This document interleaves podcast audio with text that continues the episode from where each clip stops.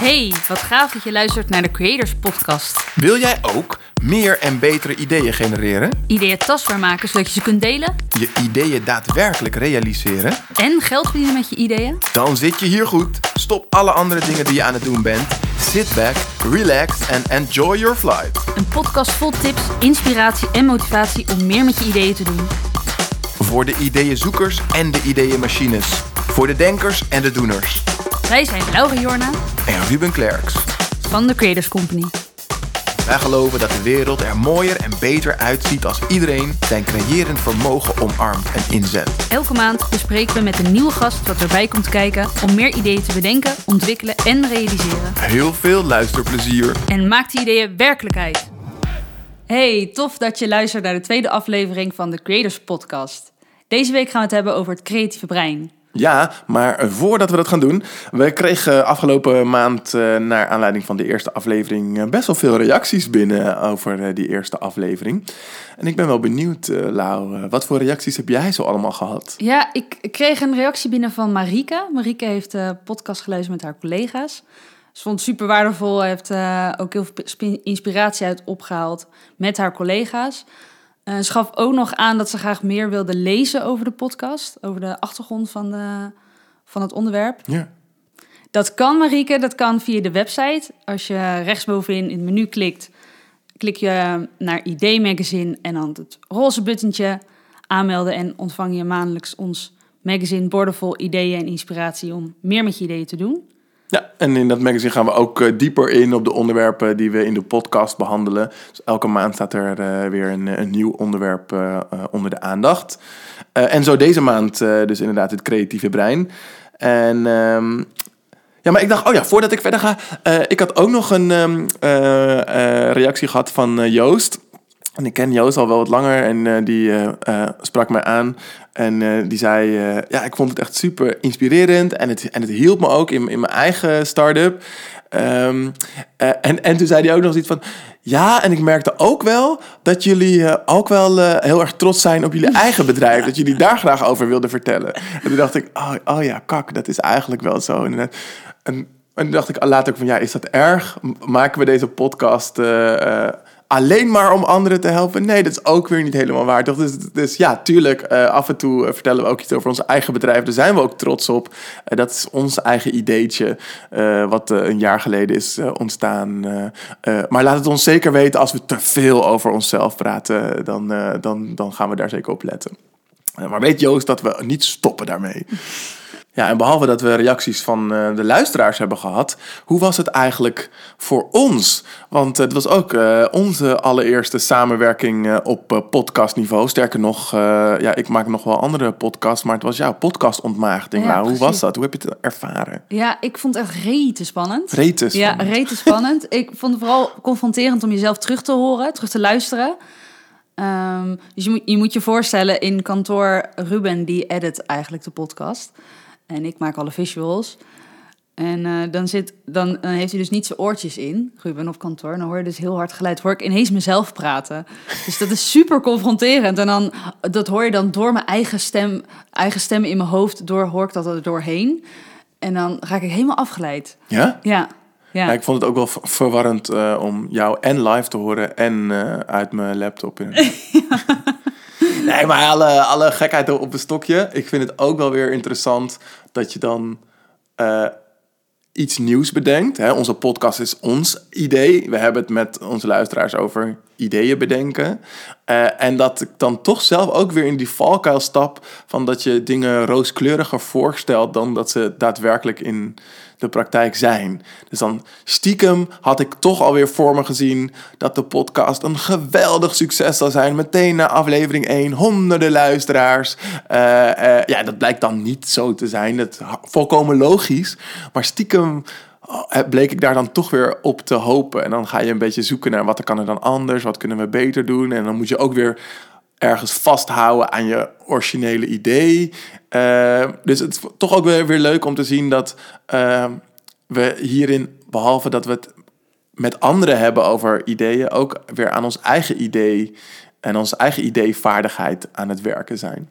Is dat iets wat je herkent? Ja, ja nou, ik herken vooral het, ook het stukje samenwerken. Ehm, dus wij, wij werken al een tijd samen, maar ook hier, dit is weer nieuw. Je moet elkaar ook weer vinden in, in de podcast. En dat vond ik vooral, dat, dat is wat, wat, wat bij mij heel erg eh, eh, opviel. Ja, en wat, en, en wat viel er dan op in die samenwerking? Dat jij nog steeds veel praat. Ja, dat is in de podcast niet anders dan in de werkelijkheid. Ja. Te veel. Of, Eh, nee, nou, maar meer dat je heel erg op elkaar inspeelt. Dus wanneer, wanneer stap ik in, wanneer stap jij in? Ehm, en inderdaad, we zijn gewend dat vooral Ruben heel veel praat. Ik ben heel erg van de plaatjes. Ruben van de plaatjes. het is jammer dat dat niet werkt in een podcast. Hè? Dat jij ondertussen gewoon tekeningen maakt. Ja, ja, dus ik moet eigenlijk alles nu visualiseren met, met eh, spraak. Ja. En dat is wel iets wat ik eh, aan het En- trainen ben tijdens deze podcast. Dus En voor ik moet mij dat ook, vaker mijn mond houden. En niet door jou heen praten. nou ja, zoals vooral ik nu de moet, hele tijd doe. Ik moet Zoals gewoon, nu de hele tijd ik doe. moet meer durven om doorheen. Nee, dat klinkt. Het is uit mijn comfortzone om door iemand heen te praten of in te springen zonder dat het moment daar is. En in een gesprek met z'n drieën vooral, ehm, is dat, is, was dat voor mij nieuw. Ja. ja, ik vind het wel tof dat je het zegt ook. Dat, eh, dat, dat, het houdt mij ook altijd weer, weer scherp. Eh, nou, gelukkig uit deze aflevering doe ik, doe ik het interview in mijn eentje. Ja, hier kon je lekker losgaan. ja, ja. Nou, maar dan moeten we ook misschien gewoon een aflevering doen waar jij het interview in je eentje doet. Ja, dat is, dat, dat is ook. Ja. Dat is ook vooral, eh, vooral visualiseren met spraak. Ja. Ja, want wat ik wel grappig vind is dat ehm, ik was en ben heel erg zeker over deze samenwerking in een podcast, omdat ik heb gemerkt juist in zakelijke in, eh, interviews of intakes die we doen, dat jij echt rete goede vragen stelt. Dus dat je, dat je juist heel goed eh, op het juiste moment de juiste vraag stelt. Dus eh, ik kijk er echt naar uit dat je dat, dat, je dat ook eh, eh, nog meer in die interviews gaat doen. Dat wordt Cool. volgens mij echt leuk. Dan. Cool, thanks. Nou, genoeg elkaar veer in de reet gestoken. We gaan verder. Nou, zoals gezegd, deze week dus ehm, eh, over het creatieve brein. Ehm, en misschien vraag je je wel af, waarom is dat nou relevant? Waarom eh, moeten we het hebben over ons brein als het gaat om creativiteit? Wat is jouw idee daarover, Lau? Nou, een, een kenmerk van creatief denken is, is problemen oplossen. Dus ik denk als je je creatieve brein traint, je eh, gemakkelijker met problemen om kan gaan. Ja. En- ja. Her- Herkenbaar, ja. ja, ja. En wat, wat ik bijvoorbeeld heel veel zie, is ehm, als we dan bij eh, opdrachtgevers komen en we hebben het over het creatieve vermogen van mensen, dan wordt het heel vaak nog afgedaan als iets ehm, leuks of erbij. Het is een eh, wanna-have en geen must-have. Terwijl er onder, ondertussen al zoveel onderzoek is gedaan naar de werking van creativiteit, dat het ons echt verder helpt eh, en dat het ook echt iets is wat je kunt trainen, wat, wat, wat gewoon in, in je brein zit. Dus daarom denk ik ook dat we door aandacht te besteden aan hoe dat brein werkt, dat we ook meer kunnen laten zien dat eh, creatief denken nut heeft en dat je het dus kan leren. Ja, zeker. Wat ik, wat ik vooral interessant vind, is dat veel bedrijven vragen naar innovatie. Ja, En vergeten dat innovatie begint bij creativiteit. ja. Maar creativiteit, wat je zegt, is iets vaags nog soms. Ja, en vaak een soort van sluitstuk of sluitpost. Waar we aan het eind besteden we daar wel aandacht aan. Ja, ja, precies. De tijd over Ja. hebben. Er zijn ook best veel aannames rondom Ja, creativiteit, hè? het is echt. Ik had zoiets grappigs. Ik had, ik had van de week sprak ik eh, iemand eh, eh, op, op werk. En die kent mij goed, dus die weet ook, weet ook wat we doen. Die weet ook wat, ik, wat mijn achtergrond is. En die, die vroeg aan mij: Huh, maar ben jij creatief dan? en toen dacht ik: Ja? Ho- hoezo vraag je dat? Dus ze: Ja, maar ik heb, ik heb nog nooit wat creatiefs van jou gezien. Maar zij weet toch dat jij designer bent? Ja, maar En dan- dat, en dan nog stelt ze de vraag- Ja, maar ik heb nog nooit wat creatiefs van jou gezien. dacht ik, oh, maar blijkbaar moet je dat dus zien dat ik creatief ben. En waarin had ze dat willen zien dan? Ja, dat is een hele goede vraag. Ik kwam niet verder. Ik, stond zo, ik was zo perplext van de vraag. ik, ik, ik, heb, ik heb het wel eens andersom. Hè? Zoals, nou, we zullen even een foto maken van hoe wij hier nu zitten. Maar ik heb dan zo'n petje op. En dat, en dat vinden mensen dan ook passen bij iemand die creatief is. Ik kan ook bijvoorbeeld echt geen kooltrui aandoen... zonder dat iemand Ja. dan de opmerking Ja. maakt... of ik dan extra creatief wil lijken. Dan, Ja, maar ik, ik moet eerlijk toegeven, als ik een, een eh, afspraak heb eh, eh, voor een bepaalde type, type pro- project, eh, dan doe ik wel echt een kooltruitje aan, ja. een soort kooltruitje, ja. Want Ja. dan ben ik wel echt de designer. Dan Ah, voel ik me de- ook wel echt de, de, de Steve Jobs. Dus, dus, er, dus er zijn in ieder geval aannames of vooroordelen over hoe je eruit moet zien als eh, creatieveling. Ik denk dat hele merken daar trouwens op, op, op inspelen ook. Wij hebben allebei een MacBook. Dus ook, ik weet nog wel dat ik aan het twijfelen was of eh, wat, wat voor laptop ik dan ging, ging kopen. En toen zei eh, een eh, kennis van ons, die zei van... ja, ik zou wel echt een MacBook nemen, want met minder kan je niet aankomen Nee. bij jullie klanten. En dacht Nee. ik, wow, dus blijkbaar heerst dat beeld gewoon. Nou, zo eigenlijk heel oppervlakkig. Alsof je minder creatief bent als je geen Apple-product hebt. Dat is raar, toch? ja, ja, ja. Wat, wat ik trouwens nog een, een ander echt wel grote aanname of misvatting vind over creativiteit... ehm, is ehm, dat je het nou eenmaal bent of niet. Hè, dus je Ja, hebt het ja. in je of niet. Dus dat, dat vind ik altijd wel leuk, zeker als het gaat dus om dus die onderzoeken naar eh, creativiteit, die wetenschap daarachter, dat gewoon telkens weer blijkt dat iedereen die creativiteit in zich heeft en dat je het ook kan ontwikkelen. Ja, tuurlijk, de een is creatiever dan de, de ander of eh, eh, heeft er meer mee gedaan, maar, maar iedereen kan het en iedereen heeft het in zich. Ja, ik vind het ook zo mooi om te zien tijdens een, eh, een brainstorm sessie... dat iedereen zit dan daar klaar in die ruimte met post-its, kleurposters voor zich en stiftjes. Ehm, en dan wordt het, wordt het topic gedropt en moeten we allemaal ideeën eh, schrijven over, over het topic. En dan zie je sommige mensen stagneren of die stoppen, want die vinden dan hun eerste idee niet, niet origineel. Dus bijvoorbeeld, we moeten een brainstorm hebben over een tuin en ze schrijven bloemen op. Maar ze vergeten dat eerst uit het brein moet eerst die standaard dingen er eerst uit, voordat, die, voordat je een diepere laag in kan in je brein. Ja, En dat vind ik altijd zo belangrijk om ook te benoemen tijdens zo'n sessie, want dan voelen die mensen ook de vrijheid om eh, ook die bloem gewoon op te precies. schrijven. Ja, Zodat dit- ze bij het ene voorkomen in de vijver. Ja, ja, inderdaad. Nee, dat klopt. Daar heb je helemaal, helemaal gelijk in. Ja. Dus dat, dat, dat is gewoon een bepaalde werking van ons brein. Dat we, dat we eerst die standaard antwoorden eruit moeten laten drijven voordat die eh, creatieve antwoorden komen. Ja. En wel grappig, want wat je eigenlijk zegt is ook eh, dat mensen dan een oordeel hebben over hun eigen idee. Of bang zijn voor het oordeel van eh, anderen. Dan kom je eigenlijk op een bepaalde mindset uit die je ook kan trainen. Nou wil dat toevalligerwijs eh, het Toevallig. onderwerp zijn van onze volgende aflevering. Eh, dan, dan gaan we het hebben over wat voor mindset je nodig hebt voor creativiteit. Maar nu, deze aflevering, zoals gezegd, gaan we het hebben over het creatieve brein. En we hebben een hele toffe gast gevonden, Anton van Hoeken. Eh, en hij heeft al ontzettend veel innovatietrajecten begeleid. en zich daarbij vooral verdiept in de wetenschap achter innovatie. Dus wat is er nou voor nodig? Wat voor eh, eh, onderzoeken zijn er gedaan naar hoe ons brein werkt en hoe we dus met elkaar beter kunnen eh, innoveren? Ik moest dit interview helaas in mijn eentje doen. Ja, ja want ik was ziek. Ik, eh, vorige week was jij ziek, deze week eh, ben ik ziek. Waarom moet je nou nog ook benadrukken dat ik ook ziek was? Ja, dat, dat heeft toch helemaal, dat heeft toch helemaal geen Jij invloed gehad op de podcast? Jij hebt me aangestoken. Dus eh, ik, ik kan helaas deze week niet bij zijn. Ik ben niet bij het interview.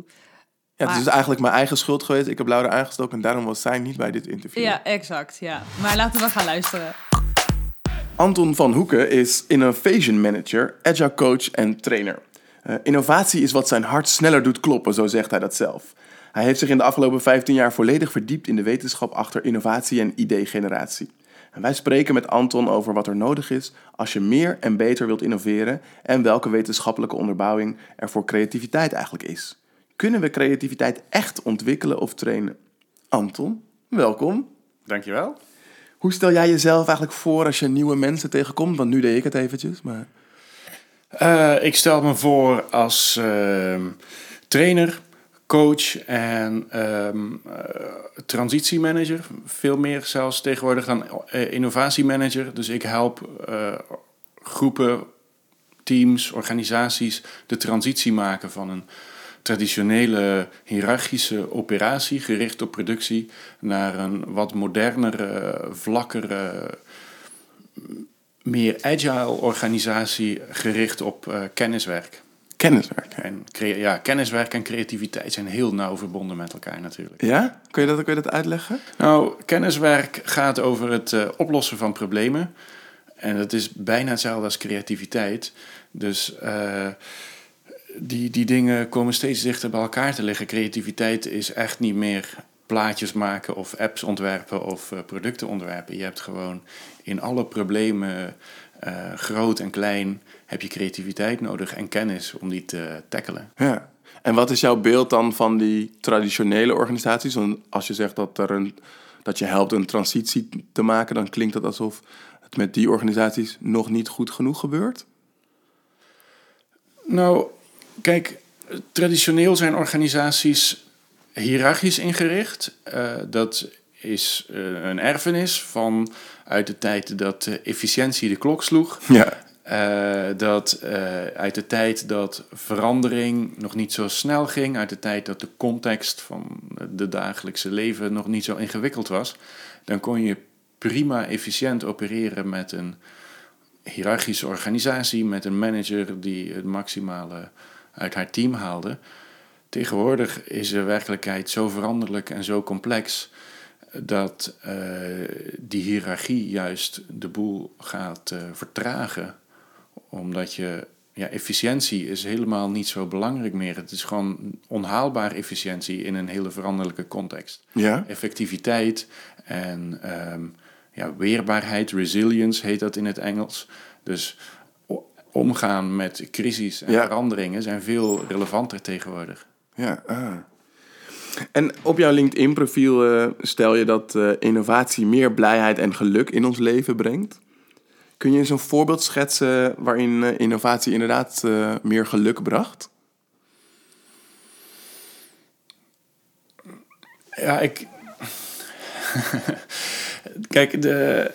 ik geloof er gewoon in als je als mens creatief uh, te werk kan gaan, dat je een gelukkiger leven hebt. Ik denk dat ja.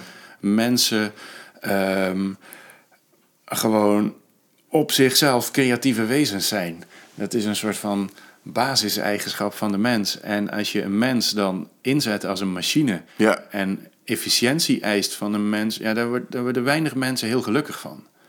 Dus op het moment dat je iemand of een team zelfs in zijn kracht kan zetten, verantwoordelijkheid geven, uh, de juiste feedback-systemen kan installeren, waardoor ze creatief en um, met, um, ja, met heel veel inzet aan de slag kunnen gaan, dan zie, zie ik altijd, ja, als ik kom en als ik ga, zie ik altijd teams met veel meer energie en Ja. passie en vuur in hun ogen uh, aan de slag op het werk. Ja, heel herkenbaar, ja. En maar wat is dan de reden, denk jij, dat er toch nog zoveel organisaties zijn waarin dat niet zo is ingericht of waarin dat niet leeft, zo op die manier? Gewoonte. Ja, dat het is, dus het is makkelijker of mensen zijn het meer gewoon om het op die manier te doen. Ja, het is gewoon al jaren normaal om een hiërarchische organisatie te hebben. Dat is de norm. En dat werkt ook best wel redelijk, maar niet als je Ja. het maximale eruit wil halen en met eh, elke dag Ja. met volle energie naar huis wil. Ehm, als we het hebben over creativiteit, hoe eh, kunnen we creativiteit definiëren? Wat is de definitie van creativiteit? Ja, ik weet niet of er een de definitie van creativiteit bestaat. Ik heb er zelf een. Voor mij is de definitie van creativiteit: het is de vaardigheid, maar ook de moed. eh, wat mij betreft, eh, voor het zien van mogelijkheden. Dus het heeft ook te maken met, met het zien van mogelijkheden, met Ja. openstaan. Dus de vaardigheid en de moed voor het zien van mogelijkheden.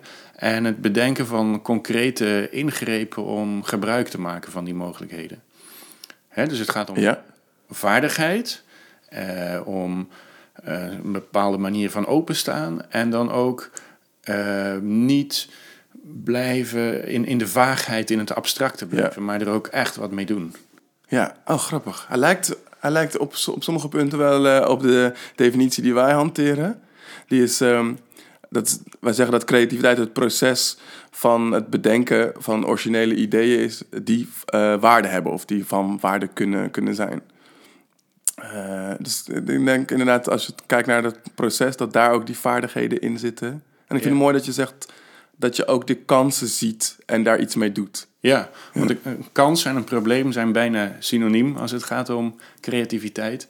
Dus dat zijn hele mooie aangrijpingspunten. Ja, En mijn definitie gaat misschien nog iets verder dan die van jullie, want ik vind het belangrijk dat het idee niet alleen origineel is, maar dat je er ook echt iets mee doet. Dat Ja. je het gaat proberen en valideren en Precies. er iets van leert, dan wel misschien een nieuw bedrijf rondom kan Ja. starten. Ja, ja nou dat, is- dat is wat voor ons zit in dat eh, van waarde zijn. Daarin eh, leggen we altijd bij, bij uit dat, het, dat het, een waarde hoeft niet alleen geld te zijn. En waarde hoeft ook niet alleen maar eh, voor eh, één persoon eh, te zijn. En dus daar, daarin kan je natuurlijk ook nog in variëren. Het kan ook van waarde zijn doordat jij er als ondernemer van leert. en, en dat je in je volgende idee misschien wel weer andere stappen kan zetten. Of het kan van waarde zijn omdat, omdat je mensen bij, bij elkaar bracht.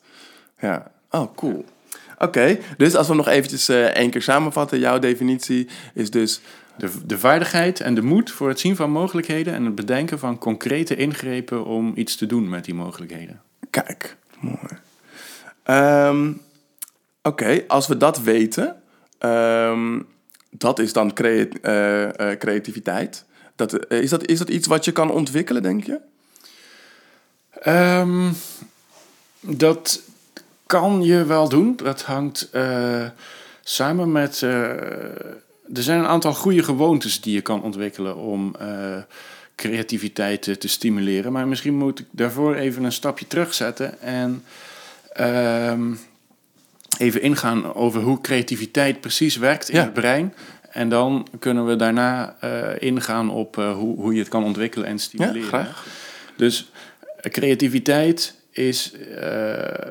Voor creativiteit is nodig dat je nieuwe verbindingen maakt in je brein. Dus niet letterlijk met neuronen, ook wel een beetje, maar vooral abstract. Dus dat je ideeën, begrippen, inzichten met elkaar koppelt en daar eh, nieuwe dingen uit afleidt. Dus het is heel erg nauw verbonden met abstract denken. Eh, en dus ook met humor vaak. dat, is, dat maakt creativiteit leuk. En ook met leren. Dus creativiteit en leren is ook heel erg nauw verbonden met elkaar. Want eh, je stelt jezelf een vraag, je koppelt twee begrippen aan elkaar en je hebt eigenlijk iets Ja. nieuws geleerd. Want dat is, dat is eigenlijk in essentie wat leren ook is. Dat je, dat je, Ja. dat je onbekende zaken aan elkaar verbindt. En dan heb je een, een, een nieuwe koppeling eigenlijk gemaakt. Juist, juist. Dus leren en creativiteit is heel erg nauw met elkaar verbonden. En ehm, als je dan kijkt naar eh, de hersenen, fysiek, eh, en vergelijkt de hersenen van mensen met de meeste dieren, dan hebben de hersenen een relatief grote neocortex, waar eh, het meeste leren en zo en, abstract denken in plaatsvindt. Eh, olifanten en walvissen en sommige apen hebben ook zo'n hele grote neocortex. En je ziet dat ook die dieren ehm, humor hebben. Ze spelen met elkaar en ze kunnen best wel goed dingen leren. En ook eh, sommige apensoorten zijn heel creatief. Die bedenken dat ze een harde noot open kunnen maken met een steen. En bedenken dat het beter gaat als ze die harde noot in een klein kommetje, in een klein stenen kommetje leggen, zodat eh, de, de brokjes niet alle kanten op eh, spatten. Dat vind ik best wel creatief. Ja. En ze zijn ook nog in staat om het door te geven aan elkaar en het eh, te leren aan elkaar. Ja. Eh, Dus eh, ja, mensen doen dat ook natuurlijk, maar dan nog op een heel ander niveau. Ehm, maar dat, dat, zit, dat zit heel erg daar. En ehm, als je kijkt naar, naar hoe dat werkt in het brein, de meeste mensen zijn tegenwoordig heel goed bekend met het werk van eh, Daniel Kahneman. Ja. Eh, Thinking Fast and Slow, Ja. Heb je het reflexbrein. Eh, dat snelle hondje wat heel snel met allemaal ideeën aankomt. Soms verkeerde ideeën, maar dat maakt niet uit. Het is snel, het gaat vanzelf. Het is enthousiast, het kost geen energie. En je hebt het langzame brein, het reflecterende brein. ehm, wat dat hondje soms, soms ook niet, een beetje in toom houdt. En eh, veel meer in staat is tot eh, abstract denken. Dus dat, dat reflexbrein is een van de primaire bronnen van creativiteit. Die gebruiken we graag in brainstorms. En Ja. dan, zorgen we voor heel veel prikkels, voor, voor misschien onderzoek of data waar je op door kan associëren. En dat snelle reflexbrein, dat lieve hondje, komt dan heel snel met heel veel ideetjes. Die schrijf je op allemaal post-its. En dan Dat zijn de, de, de befaamde post-it eh, sessies. post-it sessie. Dan een soort divergerende fase. En als dat klaar is, dan ehm, is het tijd voor het reflecterende brein om een keer goed te sorteren tussen al die ideeën en te kijken of daar iets waardevols in zit wat je door kan ontwikkelen. Divergeren, convergeren, het werkt al jaren. Uh, het is een hele oude creativiteitstechniek en het, Ja. ja. het sluit heel goed aan op dat wetenschappelijke onderzoek van Daniel Kahneman van het snelle en het reflecterende brein en dat je de kwaliteiten daarvan allebei inzet. Ja. Alleen, Zegt hij niet ook dat dat, dat, dat, dat snelle brein eigenlijk letterlijk sneller is? Dus dat de, dat de reacties die voortkomen uit dat brein eerder eh, naar, naar, naar buiten komen dan die uit het andere brein? ja, sowieso. Ja. Ja. Ja, En ze zijn ook eerder weer weg, daarom Ja. moet je ze op post-it schrijven. Oké. Anders ben je ze kwijt. Ehm, maar alleen, die Kahneman is heel populair, maar hij heeft het steeds over twee breinen, maar er is eigenlijk een derde brein. En ehm, in dat eh, boek van eh, Theo Kompernolle, dokter Theo Kompernolle, wordt het heel mooi beschreven. Eh, er is ook nog een reflecterend, of een archiverend brein. Archiverend brein. Ehm, en dat is het brein wat ehm, eigenlijk je geheugen sorteert. Het brein wat aan de slag gaat als je slaapt om alle dingetjes op zijn plaats te laten vallen. En voor creativiteit is dat ook een, een bijzonder eh, belangrijk brein. Dat is zeg maar het brein wat met ideeën komt als je onder de douche staat. Ja. Ja, dat, dat, volgens mij kennen we dat allemaal wel, toch? Dat je, eh, of je 's ochtends opeens eh, die, die geniale ingeving hebt gehad, of als je onder de douche staat, Ja, even ja, je ogen dicht doet. precies. Dus dat is niet het reflexbrein, niet het reflecterende brein, maar dat is het archiverende brein. En het archiverende brein is eigenlijk een heel, ja, een beetje introvert jongetje, bedeesd, ehm, schreeuwt niet hard. Dus je moet echt de tijd nemen om daarnaar te luisteren. Onder de douche heb je de tijd, want je kan eigenlijk niks anders doen. Je kan niet met je telefoon in je hand zitten, want anders gaat die kapot. Ehm, dus dat is tegenwoordig vaak het moment waarop het archiverende brein eindelijk een keer mag praten met je. Maar er zijn veel meer eh, momenten waarop het ook zou kunnen. Dus ehm, want da- daarmee zeggen we dus eigenlijk dat arch ar- archiverende brein spreken we niet genoeg aan omdat we voortdurend dingen aan het doen zijn eh, en we dus eigenlijk niet, niet aandacht schenken aan dat introverte jongetje. Dus we zouden Ja. vaker misschien even de tijd moeten nemen om eh, naar hem te luisteren. Ja, ja, ja. We zijn voortdurend online. We zijn voortdurend aan het praten. We zijn voortdurend bezig. We hebben hele drukke agenda's. En ehm, ik heb er tegenwoordig ook een gewoonte van gemaakt van, van op het toilet. eh, weet je, ook even niet met je met telefoon Ja. zitten. Gewoon even gewoon lekker ontspannen. Een momentje voor jezelf. Niemand zit om je heen. Niemand kan je aan, aanspreken. Nou, laat dan ook die telefoon weg. En vaak heb je de meest eh, briljante ingevingen. Ehm, en je kan het ook prima doen zonder douche of toilet. Maar gewoon even niks Ja. doen. En even een, een pauze inlassen. eh, is, kan super creatief zijn. Maar hoe, hoe, moet ik dat voor me zien dan? Want er zijn dus, zeg je, drie eh, breinen. Het reflexbrein, het reflecterende brein en het archiverende brein. Hoe werken ze samen? Of hoe werkt het bijvoorbeeld als, eh, al- als wij aan een, aan een uitdaging werken... waar, waar we dus creativiteit voor nodig hebben? Ja, als je aan een uitdaging werkt, de, de, de meest ehm geëikte manier om daarmee aan de slag te gaan, is eerst maar eens je goed verdiepen in die uitdaging. Ja. Data verzamelen, empathie opbouwen, voor wie doen we het? Hoe kunnen we ons een beetje inleven in de situatie? Dus je, als een spons neem je informatie op. Ehm, dan heb je gelijk het reflexbrein wat aan de slag gaat met heel veel associaties en wauwze eerste ideeën geeft. Nou, daar kan wat bij zitten, misschien niet. Maar tegelijkertijd ben je ook het archiverende brein aan het inprogrammeren. Je bent er allemaal gegevens in aan het Laadjes eh, aan het openen. Ja, Ja. allemaal laadjes aan het openen. En het gaat aan de slag als een soort achtergrondproces in je computer. En ehm, dat kan veel beter ja, dingen in samenhang eh, zien. En de oplossingen die, waar het archiverende brein mee komt, die zijn vaak oplossingen die ehm, ja, heel veel dingen tegelijk oplossen. En Ja. vaak hele elegante oplossingen. Dus ehm, als je dus met die uitdaging aan de slag gaat om op jouw vraag in te gaan, je programmeert jezelf in met alle data en empathie. Je luistert naar de eerste ideeën van het reflexbrein, maar eh, je neemt daarna ook af en toe even pauze om het reflecterende brein ehm, zijn zegje te laten doen. Er is ook een, een soort ehm, uitdrukking, even een nachtje ergens over slapen. Ja, Hè? Dat, dat is eh, zo oud als de nacht. Ehm, en dat is precies eh, om dat archiverende brein ook echt aan het werk te Ja. zetten. En daar goed naar te luisteren. En soms, als je ergens een nachtje over slaapt, komt het archiverende brein terug met de oplossing. Dan zie je het in één keer, dan heb je het overzicht. ja, ja.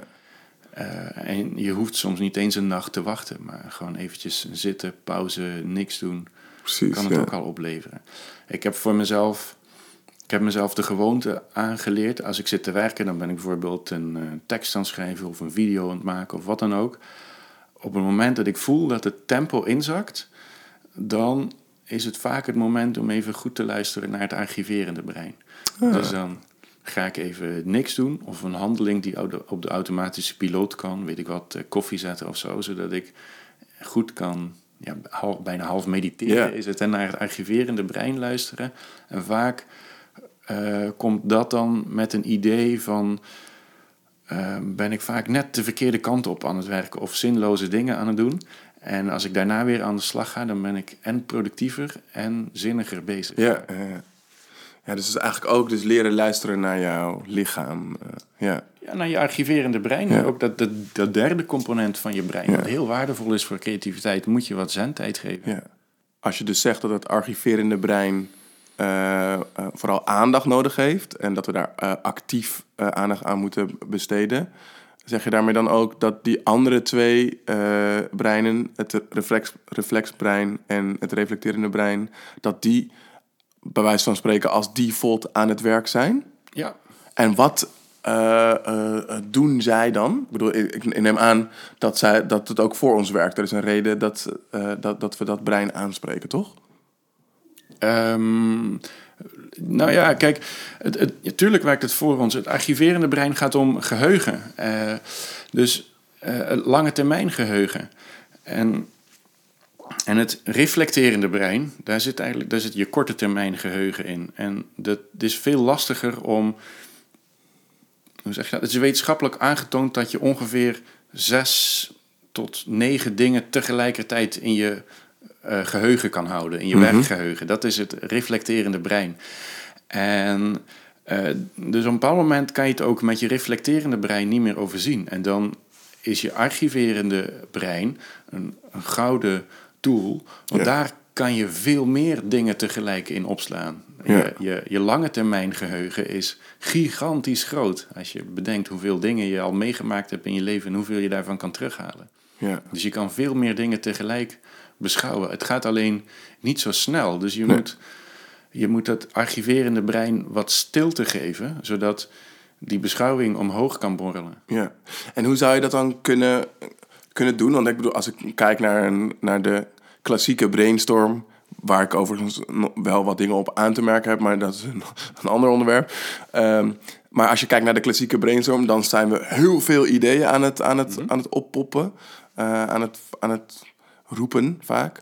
Eh, en als je aangeeft van ja, je kan maar zes tot negen dingen tegelijkertijd eh, onthouden of verwerken. Hoe, hoe kan je er dan voor zorgen dat je die informatie in dat lange termijn geheugen ga- gaat opslaan? Nou, er zijn een aantal simpele ingrepen die ik vaak doe, waar ik Ja? van hou. Bijvoorbeeld brainstorms in twee dagen splitsen, zodat Ja. je echt letterlijk dat nachtje erover kan slapen. En de volgende dag komen mensen echt met eh, andere, nieuwe, betere inzichten.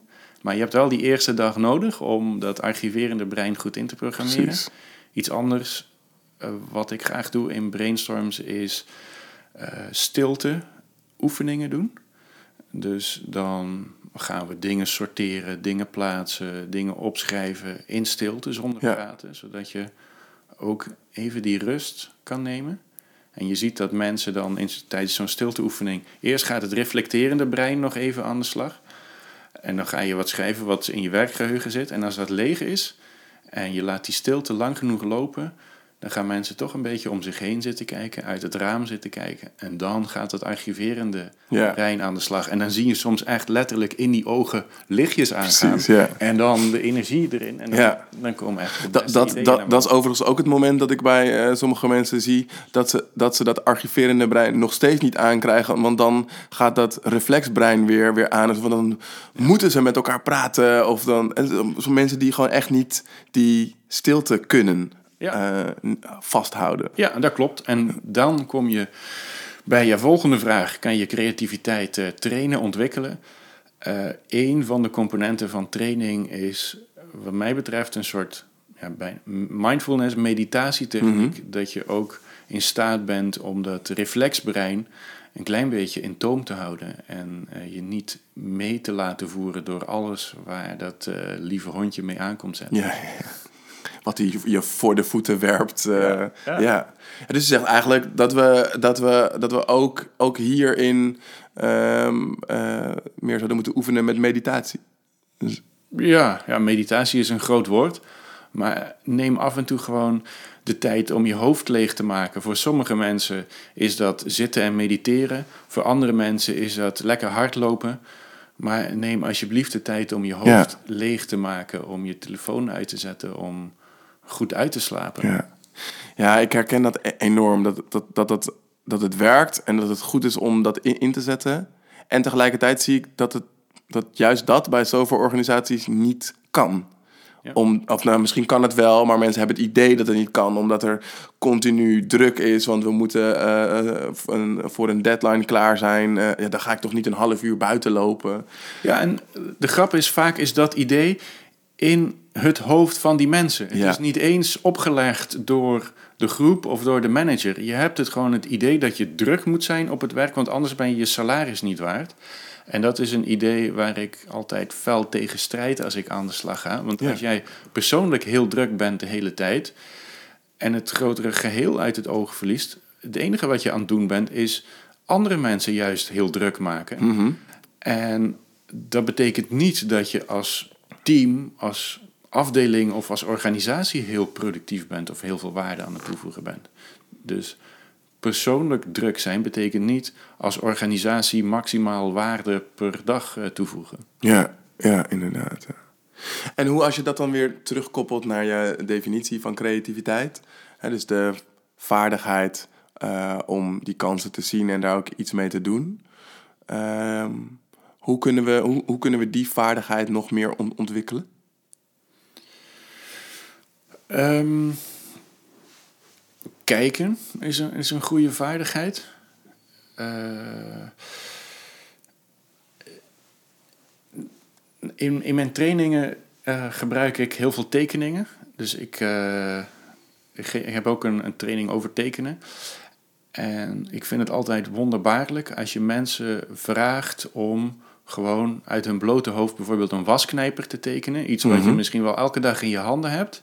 Bijna niemand kan dat. Nee. Dus Hoe, hoe goed hebben ze echt gekeken dus naar die het is een knijper? ding wat je elke dag in je hand hebt, maar je kijkt er gewoon niet naar. Hoe goed heb je daar nou echt naar gekeken? Het enige wat mensen re- kunnen reproduceren is een soort abst- ja, abstracte versie van die wasknijper die Grappig is dat, hè? in, in hun hoofd zit. Dus als je echt goed kijkt naar de dingen die je in je handen hebt, de dingen waar je mee bezig bent, dat, dat helpt ongelooflijk. Ja.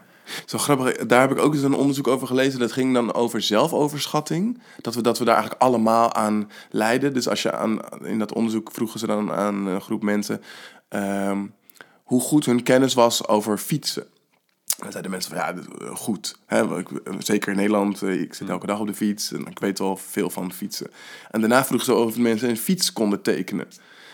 Nou, en de- gewoon de totaal meest onlogische dingen in hoe dat frame aan elkaar zat.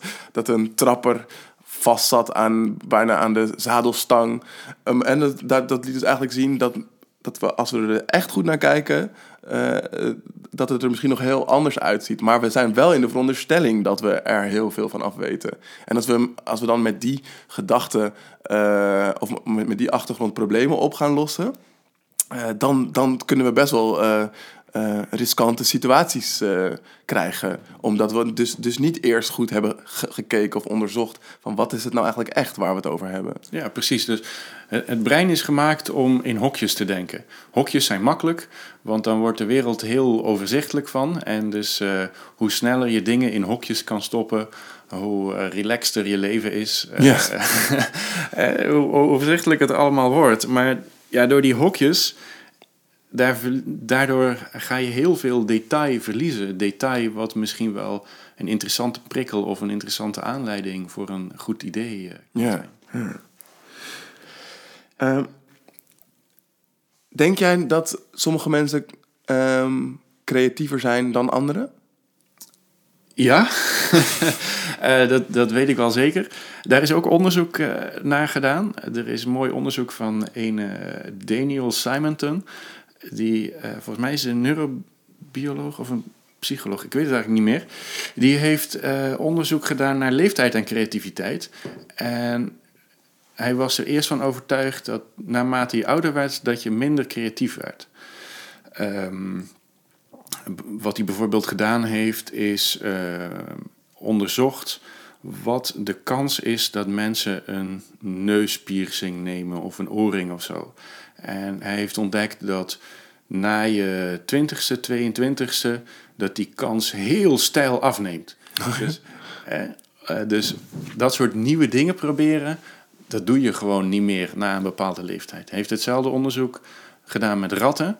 Oudere ratten zijn minder geneigd om een nieuw soort eten te proberen. Die gaan veel meer naar een bepaald soort eten toe. Dus je- ziet dat, ehm, ja, dat hokjesdenken, die gewoontes, die staan een beetje haaks op creativiteit. Maar eh, er is hoop. Wat hij later ontdekt heeft, is dat het niet 100% aan leeftijd afhangt. Eigenlijk eh, hangt het juist veel meer af van je expertise. Stel, je bent een heel goed eh, grafisch ontwerper. en op een bepaald moment ja, heb je een beetje je aanpak, je favoriete lettertypes, je favoriete kleuren en eh, je favoriete stijl. En, en beginnen dingen een beetje wat dat betreft op elkaar eh, te lijken. Ehm, als je dan, dus je zou kunnen zeggen, dan boet je iets in aan creativiteit. Maar ja, je krijgt er heel veel voor terug, want je hebt ook heel veel vaardigheid gekregen. Mensen weten wat ze aan je hebben. Mensen weten als ze zo'n stijl grafisch Ja. ontwerp willen, moeten ze bij jou zijn. Jij krijgt dat heel snel uit je vingers. En je kan er nog een hoop geld voor vragen, ook als het een populaire stijl is. Dus je zou kunnen zeggen, ja, grote kunstenaars zijn minder creatief, want ze doen veel meer van hetzelfde trucje. Maar ze zijn ook juist wel heel creatief op een andere manier, want ze gaan wel ontwikkelen dat wel continu door. Je ziet het bijvoorbeeld ook, hè, Albert Einstein, eh, waar we altijd naar kijken, die heeft zijn meest baanbrekende werk gepubliceerd rond zijn twintigste. En daarna is hij de rest van zijn leven alleen maar bezig geweest met dat uitwerken, detailleren en verdedigen, dat werk. Ja.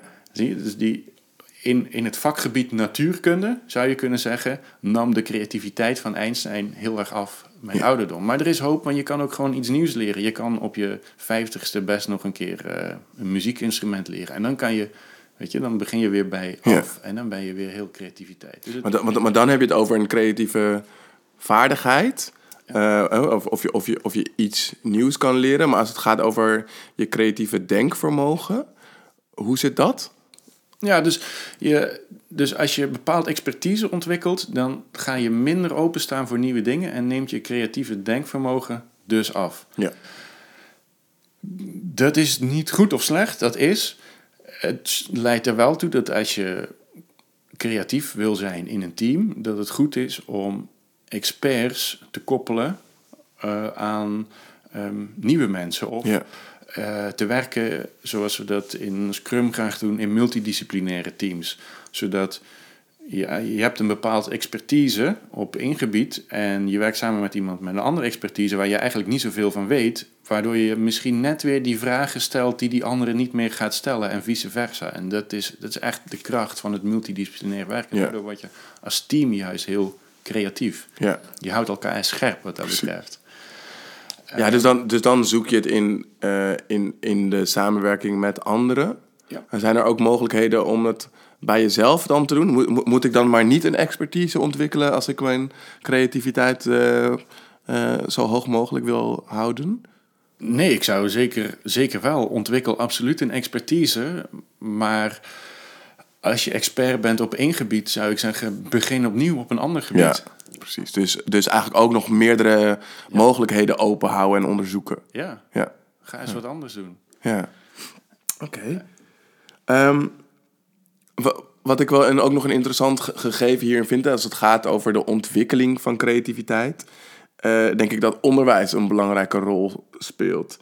Ehm, en je ziet toch ook nog wel veel dat, dat er binnen, binnen onderwijs wordt geleerd dat er één juist antwoord is. En jij zegt net eigenlijk ook van, net als bij expertise, wil je meerdere mogelijkheden openhouden.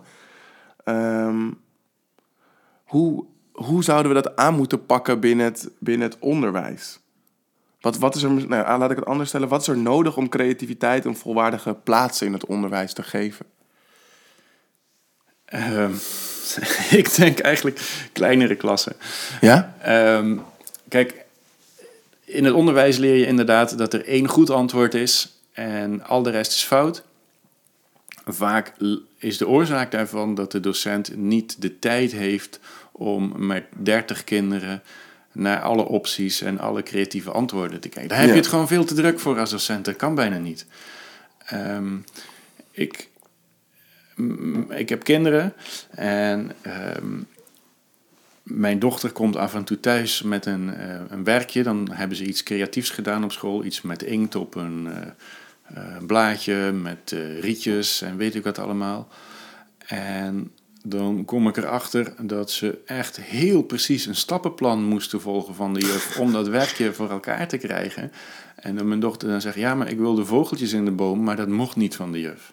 Oh. Ja, dus en eh, ja, dat vind ik jammer. Dus ja, dat je, dat je dat met wiskunde hebt, dat er één goed antwoord is, tot daaraan toe, maar dat je dat doortrekt tot ook al de creatieve vakken, Ja. vind ik echt een gemiste kans.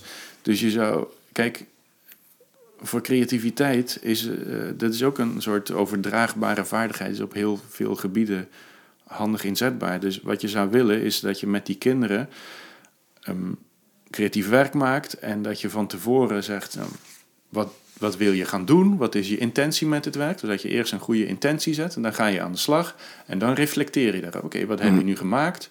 Was het een goede intentie? Ga je je intentie bijstellen? Of was het, was het een, een goed idee? Ga een keer iets anders proberen, zodat je hè, dat leren, creativiteit en reflecteren echt heel mooi rondbreidt in een lus. Ja. Dus dat, dat creativiteit ook iets gerichts wordt. Niet zomaar een scheet op een blad en eh, dan naar het volgende. Maar dat je echt iets doet met een intentie en daarop gaat reflecteren. Dat is de basis voor Ja. creatief werken. Maar dat is best wel intensief om dat te doen met eh 30 kinderen Ja. in een klas. Dus, Want, want, want, ah, want eigenlijk als je nog naar, het- naar het onderwijs terugkijkt en je, en, en je kijkt naar die drie breinen, zoals jij ze net noemde, eh, in hoeverre is het onderwijs of het, het, in klassen werken of met, met, met, met blokuren werken erop ingericht om zowel dat reflex als het reflectieve als het archiverende brein aan te spreken? ja, ik denk... Kijk, het, het onderwijs is wat mij betreft te veel gericht op kennis. Dat is een kennisfabriek. Je moet, je moet tafels leren, je moet spellings leren. Je moet allemaal kennis, kennis, kennis in je kop stampen. Welk, welk brein hebben we, hebben we daarvoor nodig om kennis te, te stampen? Nou, eh, je moet eh, het reflecterende brein hebben eerst.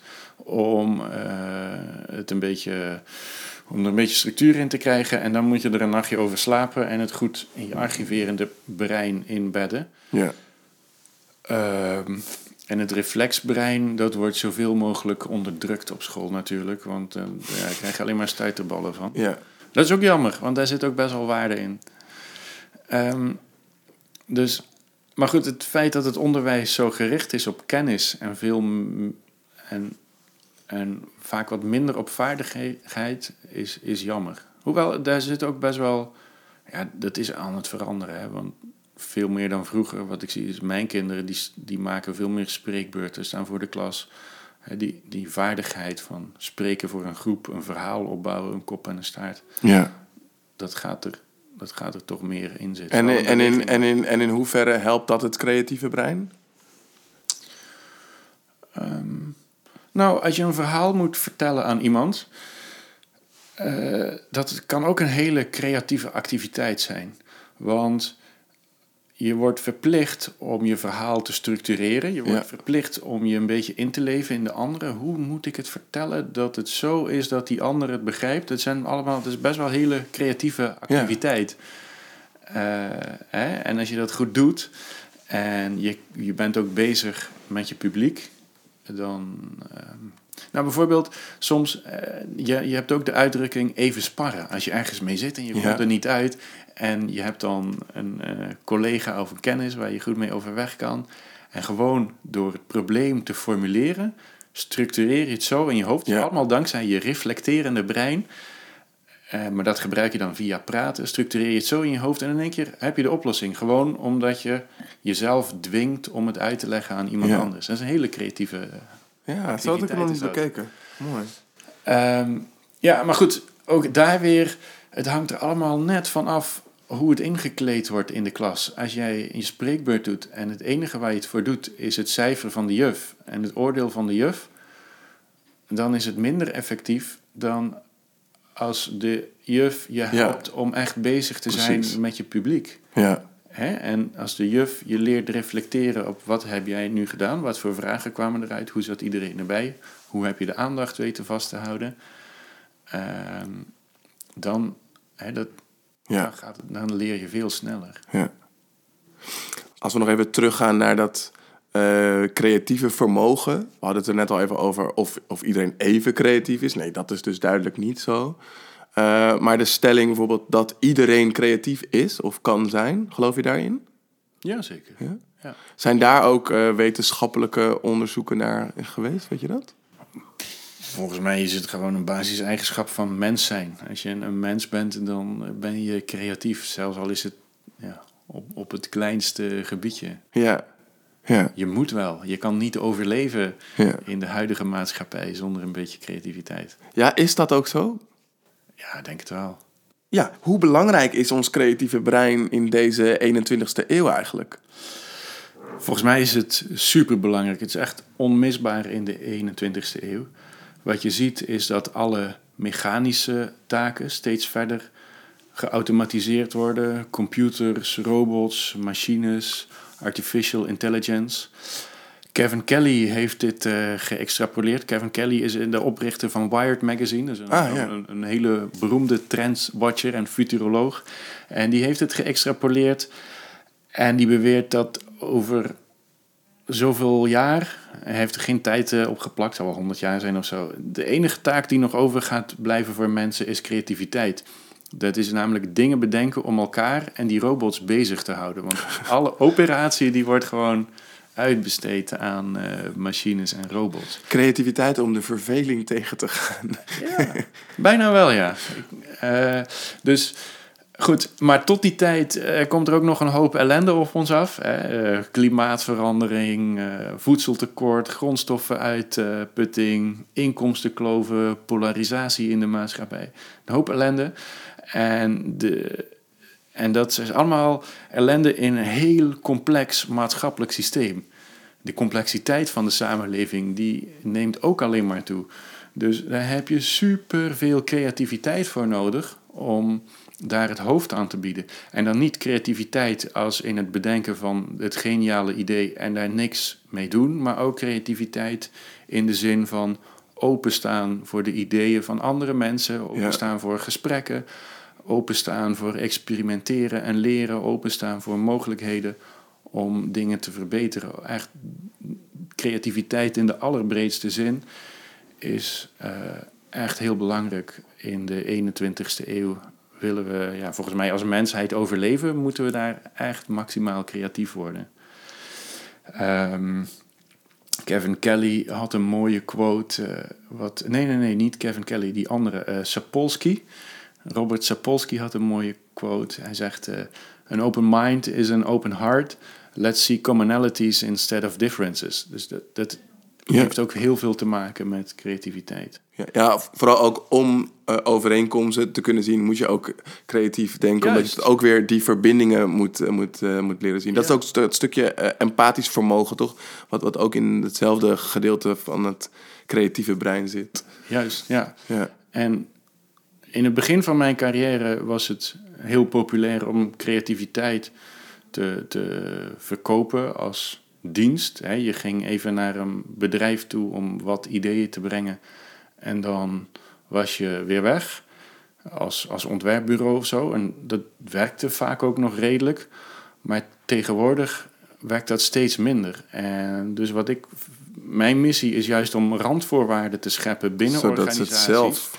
zodat ze zelf met goede Precies. ideeën komen, dat Ja. die ideeën tractie krijgen, dat er echt iets gebeurt, dat er echt iets van de grond komt. En ja, Ja. daar heb je soms wel een beginnend eerste idee nodig om een beetje dat zelfvertrouwen erin te krijgen. Maar het is vooral een kwestie van focus, van, van, van veiligheid, van ehm, zelfvertrouwen, ehm, van organisatie. En ja, iedereen is uiteindelijk creativiteit. De, de vraag is alleen van hoe kan je het zo organiseren, hoe kan je het zo plaatsen dat het helemaal eh, loskomt. En, en uiteindelijk, als het lukt, gaat iedereen ook echt met veel meer energie naar huis. Omdat Ja. het zo dicht bij je essentie als mens ligt om creatief te kunnen zijn. Als je dat kan zijn op je werk, is dat te gek. Ja, het zou mooi zijn als het lukt. Het heeft ook vaak met, met mindset eh, te maken. Daar heb je misschien een losse podcast voor. Die Ja, volgende aflevering gaat over mindset. Carol Ja. Dweck heeft hè, de growth mindset Ja. en de fixed mindset. Nou, die growth mindset is heel belangrijk voor creativiteit. Fixed mindset, eh, dan kan je, is het heel moeilijk om creatief te zijn. Ja, want dan, Dan ligt het altijd aan, aan anderen of ja, eh, externe jezelf, factoren. Ja. Zijn, zijn de problemen altijd over, overweldigend. En dus, maar ik heb zelden meegemaakt dat mensen op alle gebieden in hun hele leven een fixed mindset hebben. Er is altijd wel ergens een hobby, een activiteit, een expertise waar ze een growth mindset hebben. De truc is natuurlijk om op zoveel mogelijk vlakken die growth mindset eh, eh, aan te houden. Ja. En te denken van, ja, ik kan dit nog niet. Als ik beter mijn best doe, dan lukt het wel. Ja, In plaats precies. van, ik ga dit Ja. nooit kunnen. Ja, nou eigenlijk vraag je dus weer of ze nieuwe verbindingen kunnen maken. Of ze de verbinding kunnen zien tussen... Hey, op dit gebied heb je eh, een ontzettende growth mindset... en zie je heel veel mogelijkheden. Zou je datzelfde principe ook kunnen toepassen op dit gebied... waarvan je nu nog denkt dat er geen andere mogelijkheden zijn? Ja. Ja. Ja, ik zie dat ook in de, in de tekentrainingen die ik geef. Ja, En zo ook, ja, ik kan niet tekenen. En dan ja, leg je drie trucjes uit en dan, oh, ja, oh, dat is niet gek eigenlijk. ja. ja grappig is dat. Ehm, ik wil naar de afronding toe. Ehm, ik ben als laatste nog benieuwd als we het hebben over het creatieve vermogen en ons creatieve brein. Wat zijn nog dingen die we kunnen doen om dat creatieve brein en het vermogen te beïnvloeden ten positieve? We hebben het al gehad over eh, rust nemen. Zijn er nog andere dingen die, je- die, je- die je weet die we kunnen doen om dat creatieve brein te bevorderen? Ehm, ja, en Nicolas Nassim Taleb die heeft een paar mooie boeken geschreven. Onder andere Black Swan, daar is hij het meest eh, bekend door geworden. En de- hij heeft een soort adagio dat je moet zorgen dat je jezelf plaatst op plekken van maximale kans. Dus als je creatief wil zijn, kan je ook plekken opzoeken waar je de maximale kans hebt om op goede ideeën te komen, waar je maximaal geprikkeld wordt.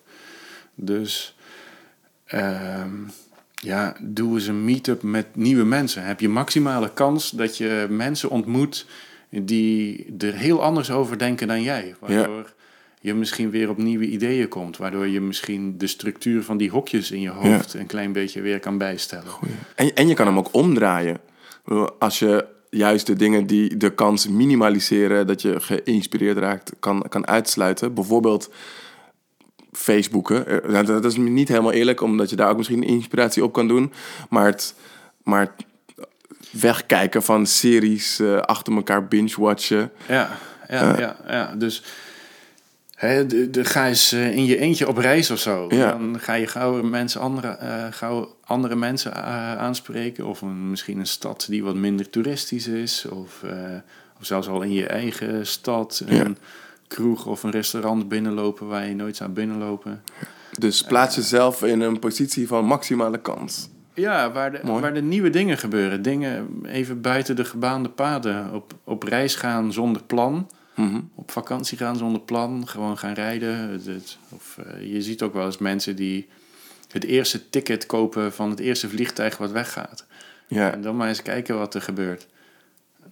Ja, daardoor doe je. Hè, daardoor breid je, je je archiverende brein ook uit met allemaal andere, bredere, nieuwere Data, ideeën, ja. data, ja. waardoor je weer op, originele, op originelere dingen kan komen.